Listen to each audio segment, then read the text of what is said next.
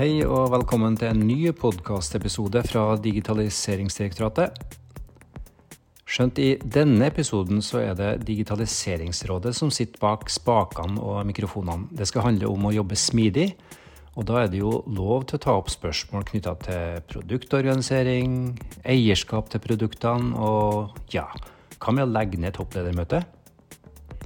Det blir både kjente og spennende tips å få i denne panelsamtalen, der temaet er hvordan offentlig sektor kan jobbe smidig innenfor de rammene som forvaltningen har. Hør på dette.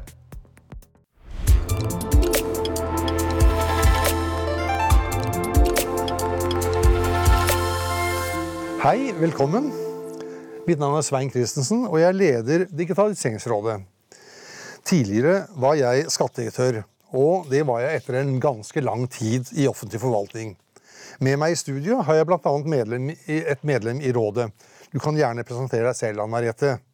Takk for det, Svein. Ann Merete Lyse Sommerseth heter jeg. Og jeg jobber da som daglig leder i Aneo Industri. Det er da et selskap som jobber med fornybar energi. Eh, men Svein, eh, det kan jo være at noen av lytterne ikke kjenner til Digitaliseringsrådet. Kanskje vi skal si litt om det? Ja, Det er viktig.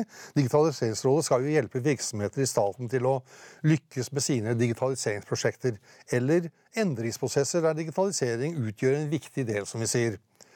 Og det som de skal vite, er at møtet med oss skal gi merverdi. Det er sant. Så det er et veldig stort og omfattende mandat eh, vi har. Men for å gjøre det litt enklere, virksomheter da, som er i ferd med å sette i gang med eller skal gjennomføre omstillings- og digitaliseringsprosesser, de kan jo besøke oss, komme til oss. Og vi vil jo hjelpe til så godt som mulig. Og nå jobber vi med en ny rapport. I år vil vi skrive om et tema som mange virksomhetsledere har ønsket å diskutere med oss, nemlig hvordan offentlig sektor kan jobbe smidig innenfor de rammene som offentlig sektor har. Og det er den, det den podkasten her skal handle om. Det skal han. Men vi skal ikke snakke om det temaet her, bare vi to.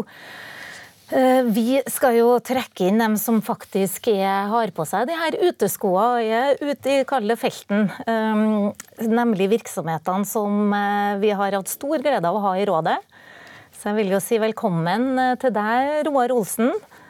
Du kan jo gjerne starte med å presentere deg selv. Ja, takk for det, og takk for eh, invitasjonen. Eh, navnet mitt er Roar Olsen, og jeg er da leder for eh, Sikt, kunnskapssektorens tjenesteleverandør. Og jeg tenkte først å si litt om Sikt, da. så de som hører på oss kan liksom relatere litt kontekst til det som er mine tanker og refleksjoner rundt smidig. Høres det greit ut? Det høres fint ut. Vi er jo en virksomhet som, eh, som, er ganske ny. Vi ble etablert for ett og et, år siden, ett og et halvt år siden. Og, eh, men vi har en lang historie, for vi er resultatet av en fusjon mellom tre ulike virksomheter. Eh, og fellesnevneren er at vi leverer IT-tjenester til universitet og høyskoler og fagskoler og instituttsektoren og skolesektoren. Så det er kunnskapssektoren som er vårt målområde. Og vi leverer alt fra, fra tung infrastruktur, som nett med forskningsnettet. Eh, vi leverer datasentertjenester til lagring av forskningsdata og, som kjører applikasjoner som brukes i utdanning. Og vi eh, har eh, ca. 80 ulike produkter og tjenester som brukes av over 1 million brukere, fordelt på over 700 virksomheter. Og vi er også eiere. Vi eier 30% av et felles nordisk infrastrukturselskap innenfor kunnskapssektoren. Eh, så vi har mye nordisk samarbeid også. Det heter Norunett. Eh, og vi eier også et, eh, et selskap som heter Sigma2, som bl.a. leverer Norges kraftigste datamaskiner for, for tungregning i Norge. Eh, så hvis jeg skal gå litt tilbake til meg sjøl, så har jeg jobba nå seks år i den sektoren her. Og, og seks år før det så jobba jeg med digitalisering på sektornivå innenfor e-helse. Både Helsedirektoratet og Direktoratet for e-helse. Og før det så var jeg leder for Altinn et par år. Eh, og atter før det digitalisering i finans og pensjon, både i privat og offentlig virksomhet. Og så har jeg også noen styreverv, og bl.a. styreleder i, i Norsk Helsenett. Eh, bare nevne at vi allerede i 2018 så lagde vi en, en, rapport som het 'Spredning i feltet på veien mot en smidigere, smidigere framtid'. Og den gangen så var det jo sånn at det var veldig få virksomheter som sa de jobba smidig. Nå er inntrykket helt annerledes. Nå sier nesten alle at de jobber smidig eller skal jobbe smidig. Og så har vi en mistanke ganske ofte om at alle ikke legger det samme i det å være smidig, og kanskje heller ikke driver smidig. Eh, men jeg vet at dere gjør det, Roar. Kan du si litt om hva dere legger i det å jobbe smidig? Ja, det kan jeg gjerne gjøre. Først, først, Smidig for oss, litt sånn, litt sånn strategisk, det, det er å, å, skape kontinuerlig verdi for flest mulig eh, til en riktig pris eller et riktig ambisjonsnivå. Vi, eh, Storparten av finansieringen hos oss er brukerfinansiert. så Derfor er det å liksom ha et riktig nivå på ambisjonene er viktig. Og, og, det å levere kontinuerlig og bort fra prosjektverden hvor ting kommer i bølger. Eh, så eh, tenkte jeg å, å, å tilnærme det her med, fra litt sånn praktisk og, og, konkret utgangspunkt, og ikke kanskje fra det teoretiske. Og Da tenkte jeg først å si litt om hva vi har gjort sånn organisatorisk. Ehm, og vi, vi, når vi ble etablert for ett og et halvt år siden, så gikk vi rett inn i en, en, i en 100% produktorganisering av hele Sikt. Hvor eh, vi organiserte tverrfaglige team som har et helhetlig ansvar for et produkt. Altså både å drifte det og utvikle det. Eh, og produktteamet er den verdiskapende enheten i, i Sikt. Og igjen organiserte de inn i produktområder og i produktdivisjoner. Og så uh, valgte vi en matrise hvor vi da plasserte ansvaret for å utvikle folk og skaffe riktig kompetanse og utføre rekruttering og det å ha personalansvar inn i en seksjonslinje. Sånn at Det er den statiske delen av organisasjonen vår, hvor alle ansatte er plassert i en seksjon fra 10 til 30 stykker. Og de eh, jobber da inn i, i ett eller flere produktteam. Og da har vi mulighet til å ha litt fleksibilitet i forhold til prioriteringer, og, og at produktteam også kan få ulike oppgaver eh, over tid.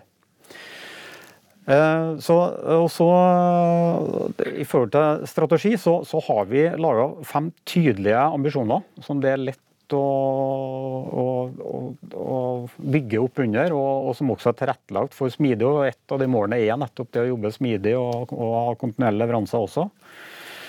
Eh, og så har vi jo Vi, prøver å etterleve tight, loose, tight-rammeverket med at vi, eh, vi eh, fra ledersida sier ambisjonene og målene, og med helst resultater og effekter vi ønsker å oppnå. Og så ønsker vi å å la teamene være så autonome som mulig. De skal finne ut hva som er smart å gjøre for å realisere de effektene som vi fra et ledelsesperspektiv eh, definerer. Og så må vi selvfølgelig gjøre noen kontroller og avsjekker for å se om vi er på, på riktig vei. Og så har vi også valgt å bruke OKR-rammeverket eh, med et tertialfokus, hvor vi da definerer nøkkelresultat. Eh, og vi kjører review hvert tertial i forhold til hvordan vi, vi, vi ligger an. Og det her er noe som man ikke blir god på fra dag én, så det her trener vi på. Masse. Og vi justerer hvert tertial på litt hvordan vi, vi, bruker det her. Det tenker jeg er viktig. Så altså har vi jo på teknisk side vi har en, etablert en felles utviklingsplattform på AVS som vi kaller for Platon. Som er tilrettelagt for continuous development og alt det her. Og siste moderne løsninger fra, fra Amazon. Eh, vi har etablert en felles designlab, som er litt eh, spennende. og Der har vi både strategiske designere, som fasiliterer mye av strategiprosessene, men med et smidig tankesett både fra toppledelsen og på ledergruppene under. Eh, der har vi jo tjenestedesignere, og vi har UX-spesialister. Og de forvalter også et sånn felles designkomponentbibliotek. Det er noe vi ikke ønsker autonomitet innenfor, for der skal vi være brukervennlige, og det skal være felles look and feel på alle applikasjonene fra oss. Det, så vi må ha noe som er liksom felles styrt også. Det har vi organisert der. Eh, og så holder vi nå på å etablere også en KI-lab for å få litt boost på bruk av KI inn i alle utviklingsløpene våre. Eh, og så er det jo sånn at vi har jo Vi har jo mange, mange, virksomheter som vi leverer til. Eh, og Derfor så har vi jo eh, etablert en, en porteføljestyring. Vi har tre porteføljer hvor vi har representanter fra, fra ledelsessida, fra våre kunder, som hjelper oss å prioritere mål og prioriteringer i forhold til ressursbruk, og som også er med oss å hjelpe med avhengighetskoordinering, for det er mye avhengigheter mye av det utviklingsløpene vi gjør. Og, og vi, det innføringsløpene som skjer hos virksomhetene med opplæring, det, det, det, er viktig å ikke undervurdere at det også må koordineres. Ikke bare koordinere det tekniske. da.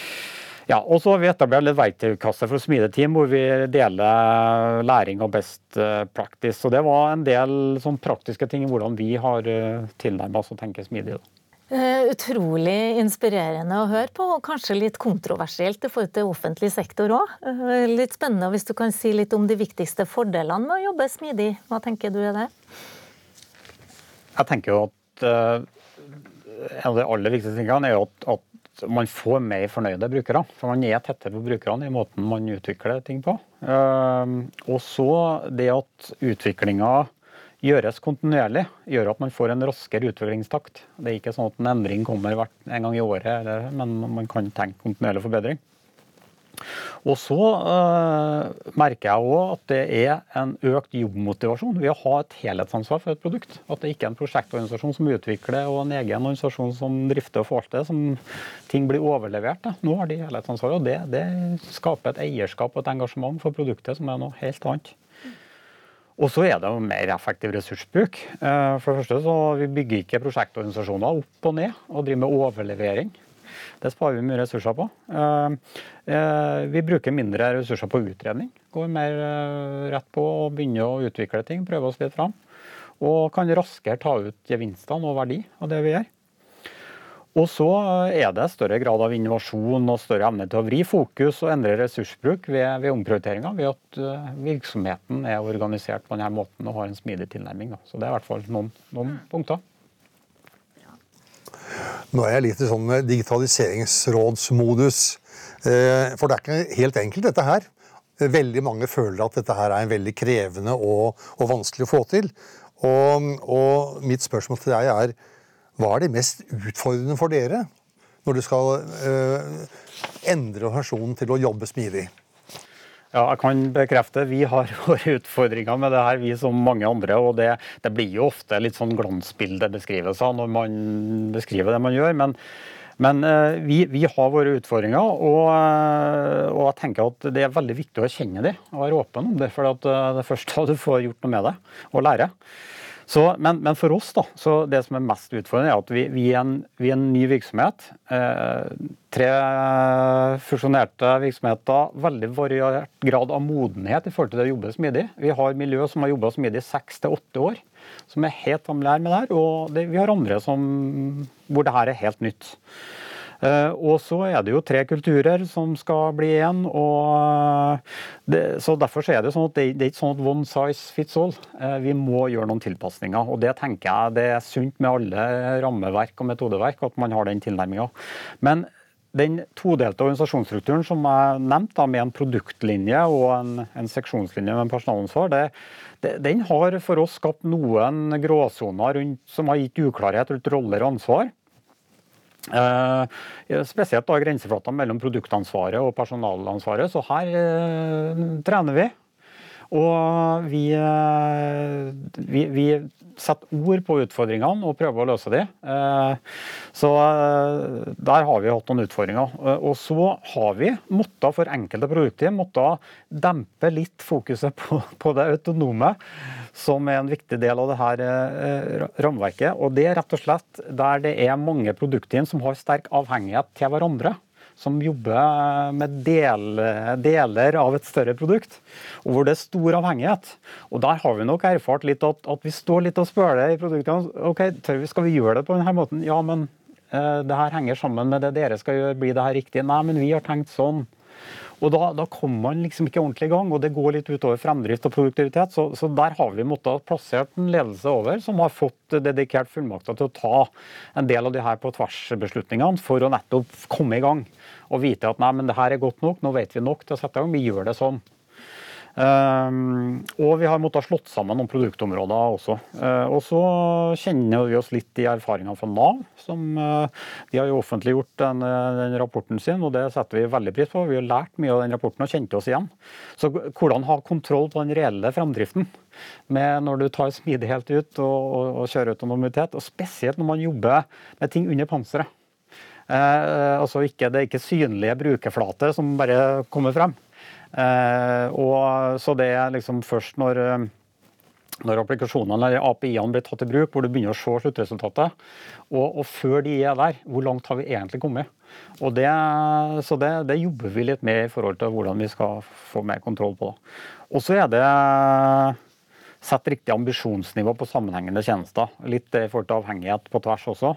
Uh, ikke, vi, man kan ikke alltid tenke idealbildet. Man må tenke noen steg på veien for å i hele tatt komme videre. Eh, eh, så eh, vi trener og vi feiler. og forhåpentligvis klarer vi å adoptere læringa. Men jeg tror at vi, vi, vi kan òg bli enda bedre på å prioritere. Og da, Det vanskelige med å prioritere er å si høyt hva skal vi slutte å gjøre. Det er veldig lett å si nå skal vi prioritere det her. Men, men, ofte så legger det seg oppå alt det som gjøres fra før. Du må òg si hva det er vi skal slutte å gjøre. Og det må vi bli flinkere på. Så det Og så vi som ledere trener og trener på å sette gode mål. Uh, hvor vi skal bli flinkere til å beskrive ønska resultat og effekt. Ikke at en aktivitet skal være gjennomført. Det er så lett å, å ende opp der. Eh, og hvis du er god som eh, leder til å beskrive en ønska resultat eller effekt, så er det mye lettere for produktteamet å være trygg på at de tar de riktige valgene. Og de vet òg eh, lettere at de faktisk lykkes eller ikke. Jeg likte veldig godt det du sa om å trene, Roar. For flere etatsledere som har vært inne i rådet, har sagt at de sliter med å faktisk ut, opparbeide kompetanse på det å drive smidig. Og, og, og, det med trening var jo et, et veldig fint stikkord i den forbindelse, syns jeg, da. Ja, så hvis vi skal konkludere da, om rundt smidig jobbing, så handler det i hvert fall om å tenke nytt, og ikke minst utafor boksen. Det handler jo om å være fleksibel og i stadig endring. Vi går fra det her å være mer prosjektbasert og bli mer virksomhetsbasert. Ehm, det er jo sånn at Vi skal jo skape verdi for brukerne. Vi jobber jo ikke smidig bare for smidighetens skyld. så det er Noe med å ha det her brukerfokuset òg. Eh, og jobbe sammen i autonome team, men da også gjerne på tvers av kanskje departementet og andre virksomheter. Her hadde jo en utfordring med å ha slått sammen tre organisasjoner. Har jo virkelig fått prøvd det i, i virkeligheten òg, hva det vil si. Um, og så tenker jeg det med ikke minst å skape et nytt tankesett. Og når du sier tren og tren, som er viktig, men da må man også tørre å feile, som blir kjempeviktig. Og det krever jo kanskje ikke minst en ny kultur. Og da Anne tenker jeg at dette her utfordrer ledelsen spesielt. Det er ikke helt det samme som å lede i den gamle type organisasjoner.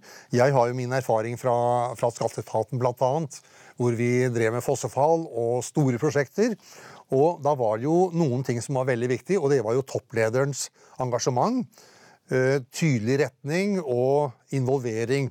Men hvordan påvirker egentlig smidig metodikk ledelsen, sånn som du ser det, eh, Roar? Ja, eh, jeg kan få bekrefte at kulturbygging er viktig her. Og, og vi, har, vi, har, gjort noe litt sånn radikalt og tenkt litt sånn kulturhacking på en del områder. Og jeg har satsa veldig på at toppledelsen skal gå foran i denne kulturbygginga. Og det innebærer bl.a. At, at vi har faktisk avvikla det tradisjonelle ledermøtet. Og det har vi faktisk erstatta med 48 timers beslutningstaking på Teams. Hvor eh, de direktørene som har behov for en beslutning, de legger ut en sak på Teams. Og Da har vi andre 48 timer på oss, enten å forankre og innhente innspill ute i organisasjonen, eller å gi våre egne kommentarer på denne beslutninga. Og så er det den som har lagt ut saken, som gjør da en oppsummering og eventuelt stadfester at nå er det her beslutta.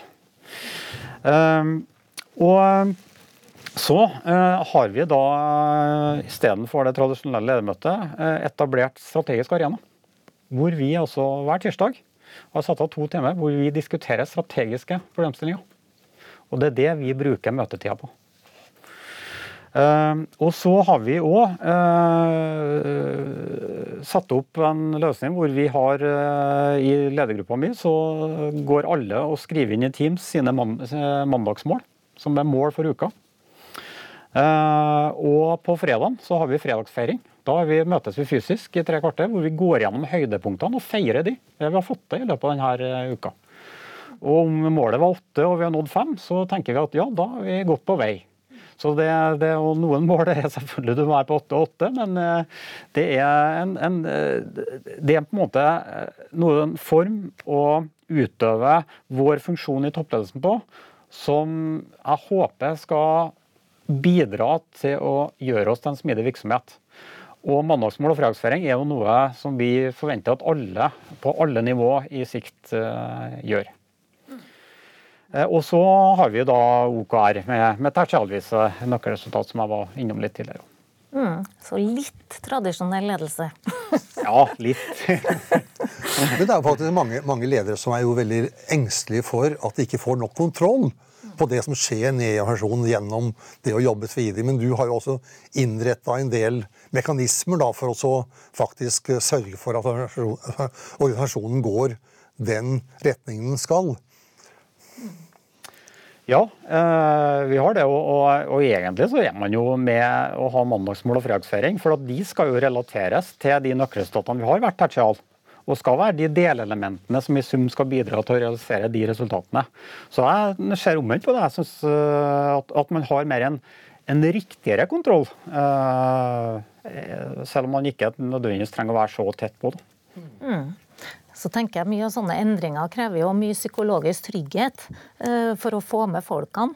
Uh, kan du si litt om hvordan opplever du på en måte den sånne store endringer, andre måter å jobbe på, spesielt ledelsesperspektivet, som er veldig annerledes her. da. Hvordan opplever du det på en måte at organisasjonen tar det til seg og på en måte blir med på reisen? da? Ja, jeg var jo litt inne på det at, at, det er varierende grad av modenhet i forhold til å takle en sånn måte å, å styre og lede på. Og, og, det er varierende grad av modenhet i forhold til hvor gode vi er til å formulere målene òg. Uh, men uh, det, det, det, her går uh, bra mange steder. Og så må vi nok gå litt tilbake på å kanskje være litt tradisjonell eh, i andre områder igjen, hvor på en måte modenheten ikke er Man har ikke den liksom, tryggheten på denne måten å, å, jobbe på. Jeg er vant til at noen eh, styrer litt mer i forhold til å si hva man skal gjøre og hvordan, og, og er tettere på som leder. Eh, så, så, der må vi jobbe aktivt med å bygge opp den psykologiske tryggheten på å stole på seg sjøl.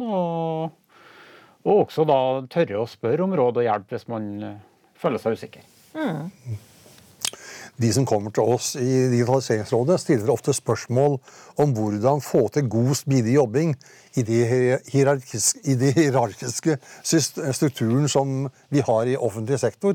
Noen hevder jo at det er nærmest umulig å jobbe smidig i det offentlige pga. styringsmodellen og budsjettmodellen.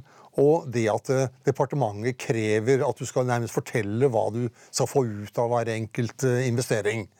Hvordan ser du på, på det, Roar?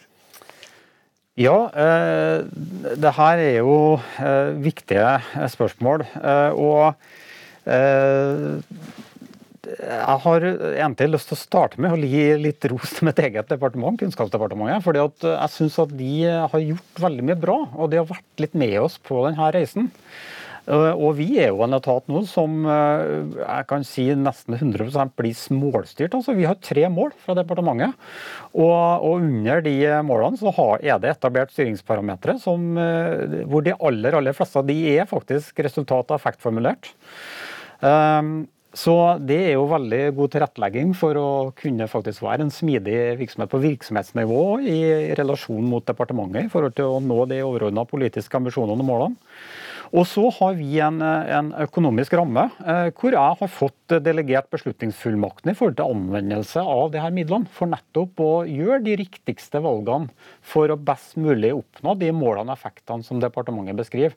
Og eh, jeg vet jo det var mange talslederkolleger som har storparten av eh, midlene sine øremerka, og ikke har den samme friheten. Så det, det her syns jeg er bra. Og så har vi også 80% av våre inntekter som brukerbetaling. Og det, det, det, tvinger oss til å være brukerorientert og ha tett dialog med våre brukere og kunder.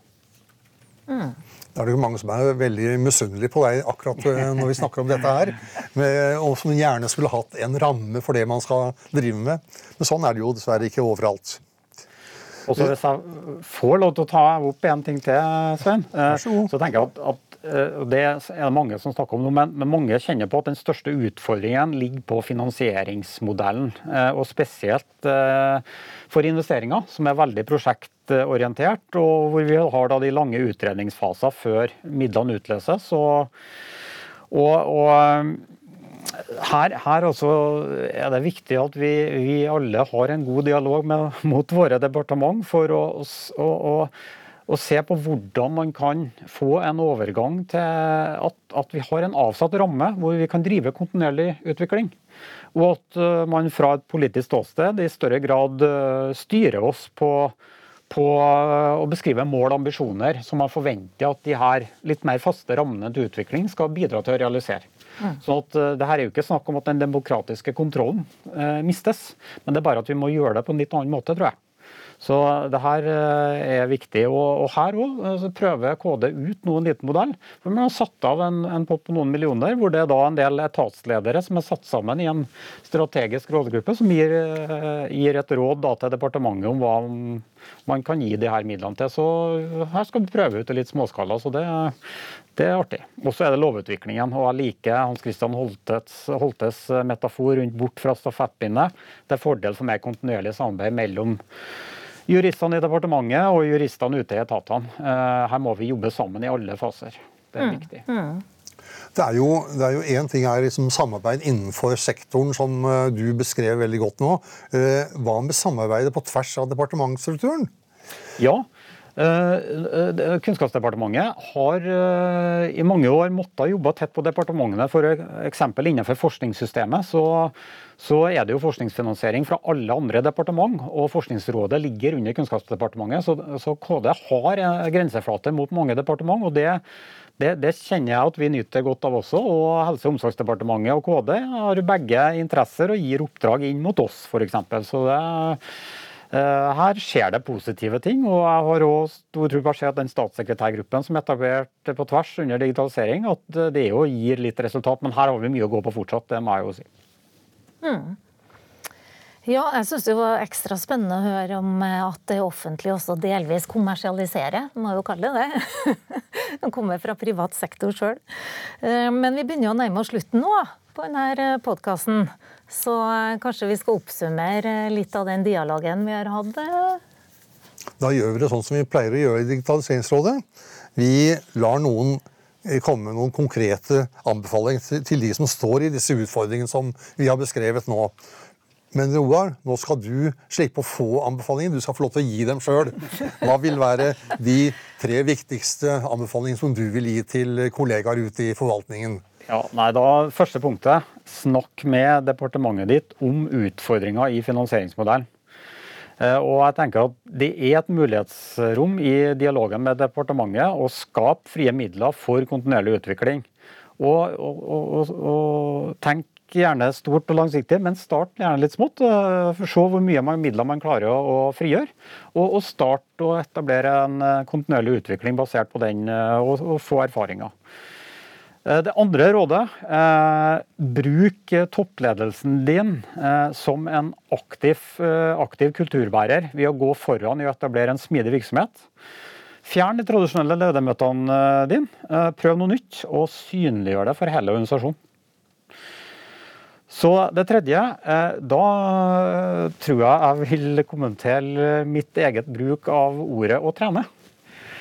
Eh, jeg har hatt eh, god erfaring med å bruke det begrepet veldig aktivt i min egen virksomhet. Det er et ord som assosieres med handling, og det, det gir en litt mer positiv tilnærming til å håndtere en utfordring.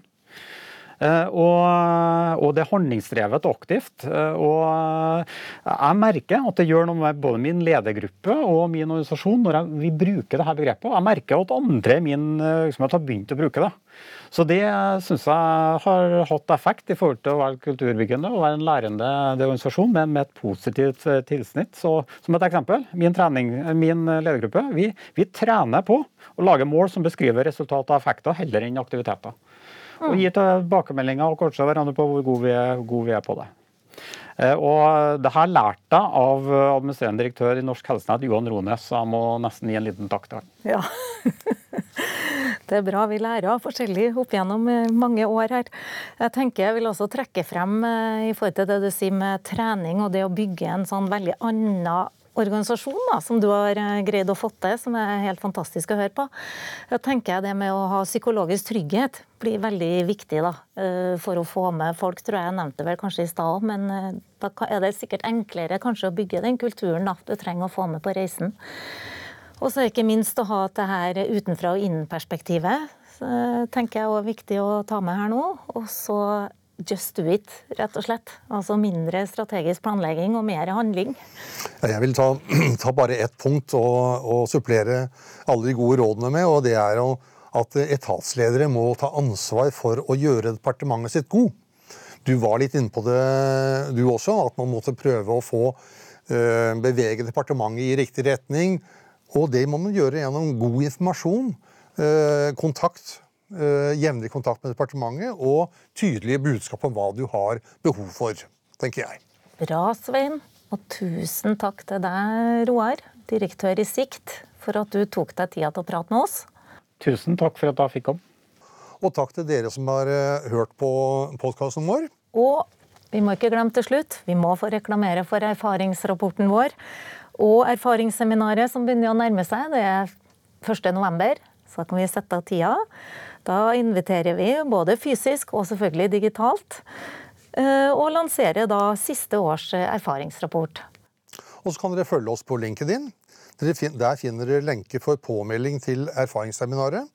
Og du finner også påmeldingsinformasjon på digdir.no.